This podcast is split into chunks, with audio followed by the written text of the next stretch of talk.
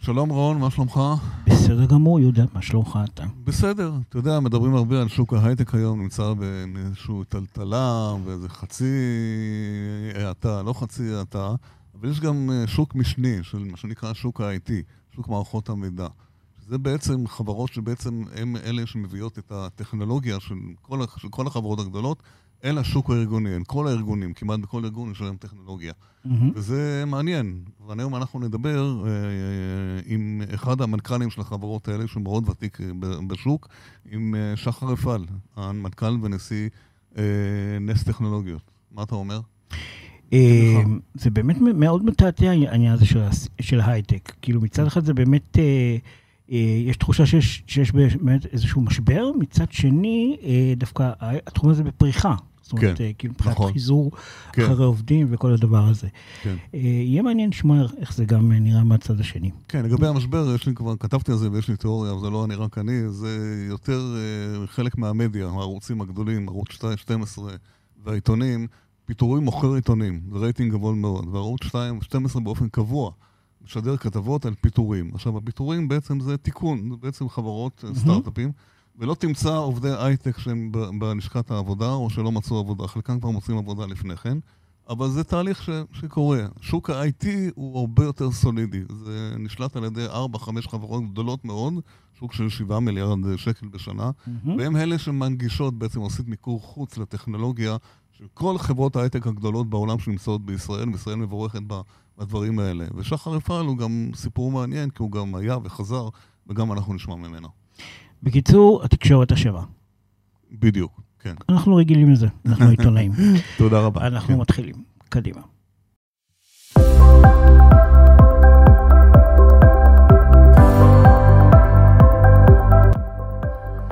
שלום וברוכים הבאים וגם השבים לפודקאסט האנשים ומחשבים, תודה שהצטרפתם אלינו. כאן אה, יהודה קונפורטס, העורך הראשי של אנשים ומחשבים ועורך התוכנית אורון קסלר. מיד מתחילים. שוק ה-IT, מערכות מידע ומחשוב, מורכב ממספר חברות גדולות המספקות שירותי מיקור חוץ טכנולוגיות למגזרים השונים במשק הישראלי.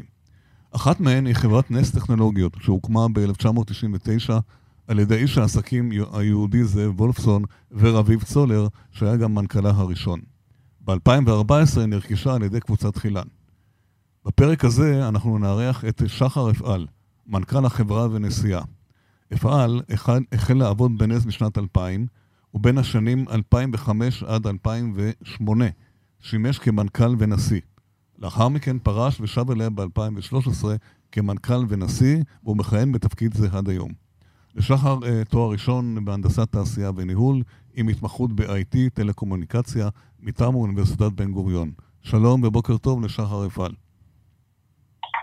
בוקר טוב. מה שלומך? בוקר טוב לכולם. בוקר טוב בסדר גמור. גם רון נמצא איתנו, רון קסלר, עורך התוכנית, והוא גם השתתף uh, בשאלות בוקר טוב מאוד. כן. אז אה, שחר, בוא נתחיל קצת, הזכרתי בשתי מילים ככה בקצרה, חלק מהביוגרפיה שלך, תספר לנו קצת את ההיסטוריה, איך הגעת בכלל לענף ההייטק, מאיפה התחלת, לא התחלת הרי גם בנס, היה לך רגע גם קודם לכן, בבקשה. אה, נכון, קודם כל אמרת באמת אה, כמעט הכל. אה, אני בעצם... כן. כן, בדיוק. אני התחלתי באמת ביזמות, אני קורא לה יזמות של עולם ה-IT וההייטק. כתבתי עם כמה חברים חברה. אה, לימים נגענו כנראה בכמה דברים שמאוד התפתחו באותו זמן. אה, זה היה כל הנושאים של רשתות, שפעם לא היו קיימות כמעט בארגונים, היה רק מחשב מרכזי, וכל מה שהיה במחשוב היה במחשב המרכזי. אה, אני הגעתי בעולם שהתפתחו הרשתות, התפתחו העמדות החכמות, כל הווינטוס, כל הדברים האלה, ובעצם אפשר להגיד שנגענו בשוק שצמח מאוד מאוד, זה גם מה שחיבר אותי ליוזמה הזאת שאתה תיארת קודם את נס, שהיה בעצם חיבור של שש חברות, mm-hmm. אני הייתי בעלים של אחת מהן. Okay. אוקיי. Uh, לימים השתבצתי בקבוצה הניהולית המצומצמת של נס, עברנו שם תהליכים מאוד משמעותיים מבחינה ניהולית, גם הנפקה uh, בנסדק, וגם בכלל התחככות, הייתי אומר, באליטת uh, ניהול ההייטק וה-IT של ישראל. Mm-hmm. לימים הפכתי למנכ"ל של הפעילות הישראלית, כמו שאמרת נכון, פרשתי יותר להיות בצד משקיע, השתתי לא מעט מיזמים, ואני מאוד שמח על התקופה הזאת. ואז הגיעה באמת הזדמנות לחזור לנס. אפשר להגיד שלקחנו או רכשנו את החברה מהאמריקאים, חילן, אני הצטרפתי לחילן בקטע הזה, ובעצם אה, הפכנו את אה, חברת נס, שהייתה חברה מולטינשיונל, לחברה כל ישראלית, אה, עם הרבה מאוד הבנה איך לעבוד בשוק הישראלי, ואני חושב שזה מוכיח את עצמו. כן. אה, אגב, אה, דקה אמרת שפרשת וחזרת, זה לא מקובל, לא, לא, לא, לא, לא, לא, לא מקובל בדרך כלל, או לא, אין הרבה כאלה מנכ"לים שפרשו וחזרו. מה גרם לך לחזור אחרי כמה שנים שהיית לא מעט שנים בחברה? מה גרם לך לחזור לחברה אחר כך? אמנם הייתה חברה קצת שונה, אבל בכל זאת, כן. קודם כל נכון, זה אירוע, קודם כל זה אירוע שמבחינה ניהולית הוא מהחוויות הטובות ביותר שהיו לי אי נכון. פעם. אז אם מישהו מסוגל לעשות דבר כזה, אני מאוד ממליץ לו. מה? הסיטואציה הייתה סיטואציה...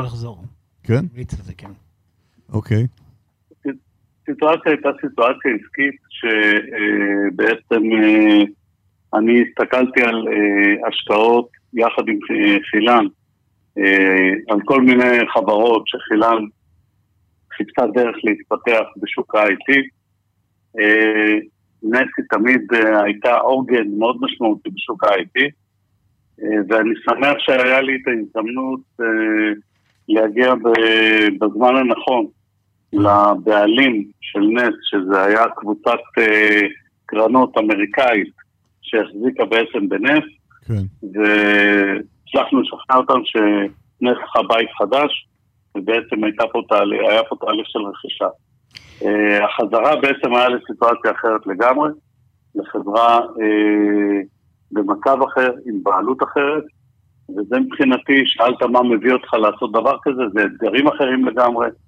אה, ובעצם אה, הייתי אומר, הסתכלתי על נס כחברה שאני אה, מוביל אותה, ולא רק משמש בה כתפקיד. וזה אולי ההבדל.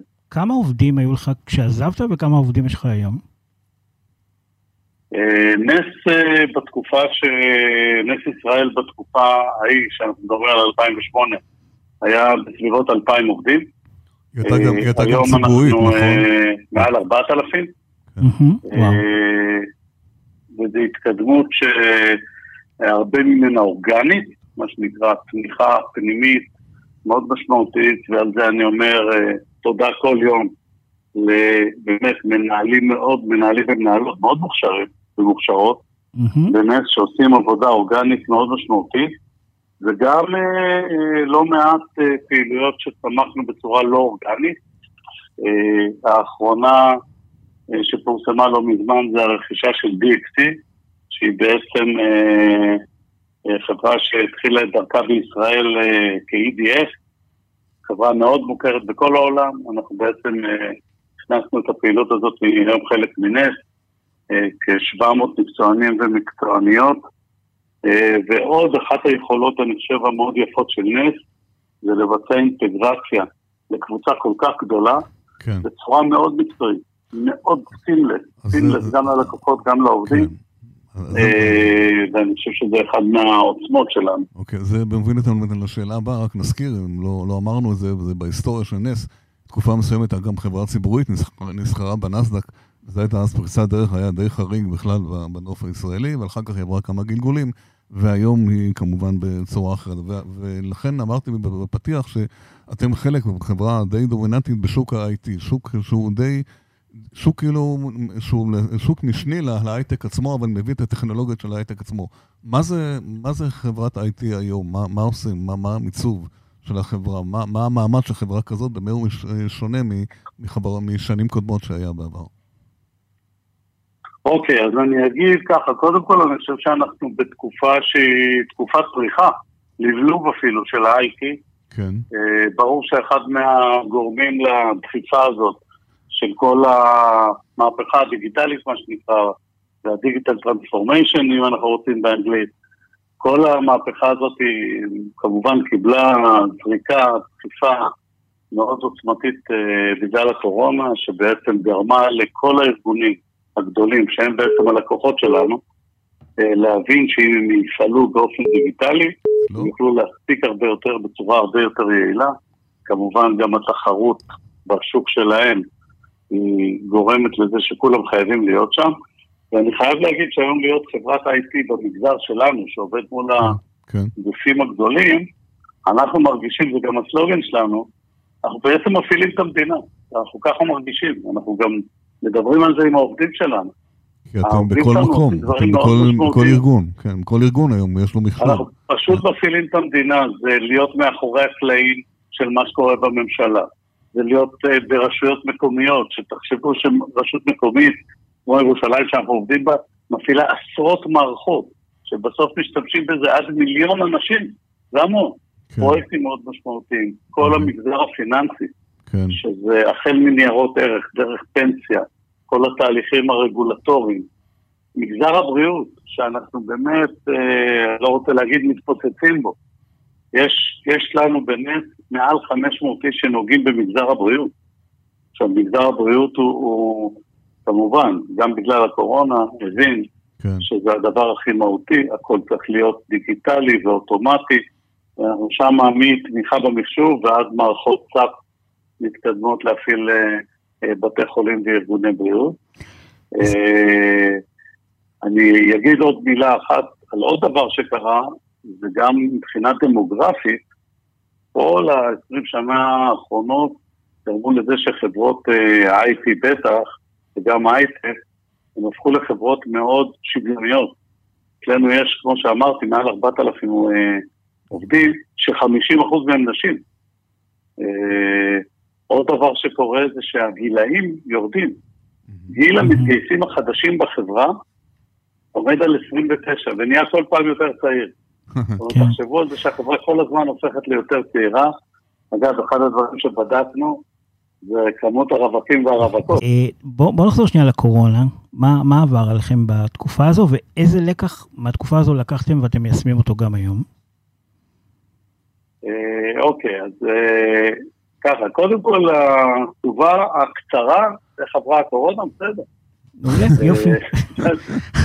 זו התשובה הארוכה. התשובה הארוכה זה שעברנו בעצם מהלם, שהיה מאוד קצר. אני חייב להגיד שאני שמח גם להגיד שהוא אצלנו היה ברמה של שבוע-שבועיים, כדי להבין רגע מה זה אומר.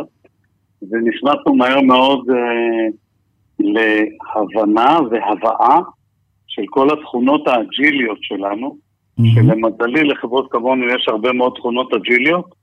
אגב, למה יש לנו תכונות אג'יליות? לא כי אנחנו אה, גאונים וחשבנו על אג'יליות מ-day one.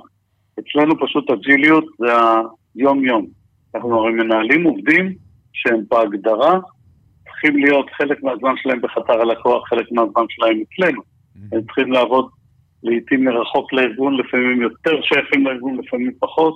זאת אומרת, כל הנושא של עבודה מרחוק והיברידיות בתפיסה של העובד היא חלק מהדברים שאנחנו עושים. מה שעשינו עם הקורונה, זה התאמנו גם את המודלים העסקיים וגם את ההיברידיות של, ה, נקרא לזה מיקום העבודה.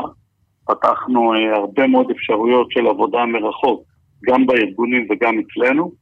אה, אגב, אנחנו משאירים את זה גם היום בימים שהקורונה פחות מורגשת. Mm-hmm. זה סוג uh, שמקנה יעילות לארגון, אנחנו בפירוש רואים uh, תהליכים יותר יעילים. אחד הדברים שאני חושב ששאלת איך זה גם משפיע על השוק, כן. אני חושב שהשוק למד לצרוך מודלים עסקיים, שאני קורא להם יותר מעניינים, מה שאנחנו קוראים שירות מנוהל. זאת אומרת, משינה את המעמד שלכם. שהיה להם, כן. uh, היה להם בעיה בלייצר קשב, כי בקורונה, הם היו מאוד עמוסים הלקוחות. הלקוחות שלנו זה IT, שפתאום מתפוצץ בדרישות. ובעצם אפשר להגיד שהלקוחות שלנו אמרו לנו, אה, אם יש לכם שירות מנוהל שאתם יודעים לתת לנו אה, מעטפת יותר רחבה, קחו, צאו. ואנחנו ראינו את זה המון. Okay. אה, אוקיי. עוד דבר שאנחנו רואים בעקבות הקורונה, ואני בטוח שנדבר על זה גם בהמשך, זה התפתחות מאוד משמעותית של כל מה שקשור לענן ולסייבר. בדיוק, תכף. הקורונה בעצם כן. אתה לקחה את מקדים הדברים אותם. האלה והפכה אותם למיינסטרים. מיד. אני רק רוצה להזכיר שני דברים, הזכרת אחד. שני דברים שהיו, אה, עלו והפכו להיות באז בקורונה, למרות שהם היו קודם לכן, זה הטרנספורמציה הדיגיטלית, התהליכי אה, אוטומציה בארגונים, ונושא הנימבוס. בנושא של אוטומציה בארגונים, עד כמה בעצם אה, ארגונים בעצם היום יותר מודעים? כי הרבה, כולנו יודעים שהרבה פרויקטים היו גם קודם, חלקם נדחו, לא רצו, אין כסף, יש כסף. עד כמה בעצם השוק, כמו שאתה מכיר אותו בעצם היום, הרבה יותר אה, דיגיטלי והרבה יותר משמעותי. אה, לגמרי, אני חייב להגיד שאני מרגיש את זה כל הזמן. עוד פעם, זה מתחיל מלמעלה, אני חושב שכל ה-IT היום, מלמעלה. כל ארגון הוא פשוט יותר חשוב. זה השינוי. כאילו, אני נותן, נותן לזה את האילוסטרציה, הוא עלה קומה. נכון. הוא עלה, הוא היום חבר בקומת ההנהלה, חבר, זה אפילו לא חבר של כבוד, זה חבר מוביל. זה זאת השינוי. אומרת, הארגון כן. היום כן. ממש אומר ל-IT, קח כסף, רק תעשה. אני עד כדי כך אומר את זה. זאת אומרת, היום הבעיה היותר גדולה של ארגונים היא לא להביא את התקציב, אלא לוודא שהדברים קורים בקצב שהארגון אה, רוצה אותו. זאת אומרת, היום הרבה מאוד מהפוקוס הוא על היכולת לדבר ובקצב מהיר. הארגונים רוצים את הפתרונות הרבה יותר מהר. ה-IT עלה בשרשרת הערך, הוא בעצם אנייבלר לארגון.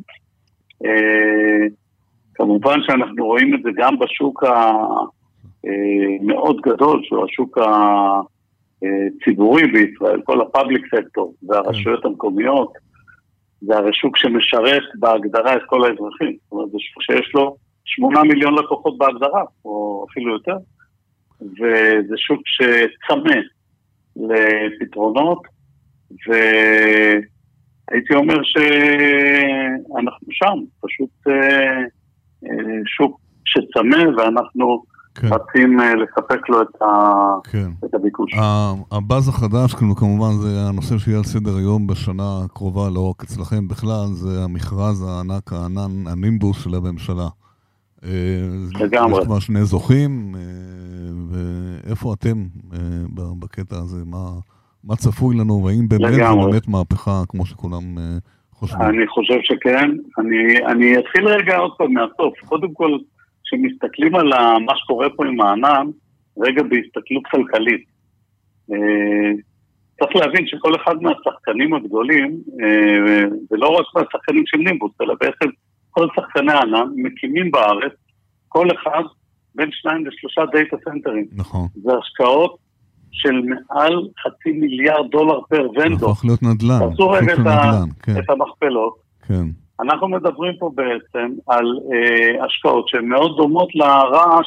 אתם זוכרים כמה רעש היה כשאינטל הקימו מפעל כן, בקריית גת, אמרו זה משנה כלכלה, נכון. זה פותח מקומות עבודה, אז אני רוצה להגיד שפה זה אותו דבר. האירוע הזה הוא משנה כלכלה.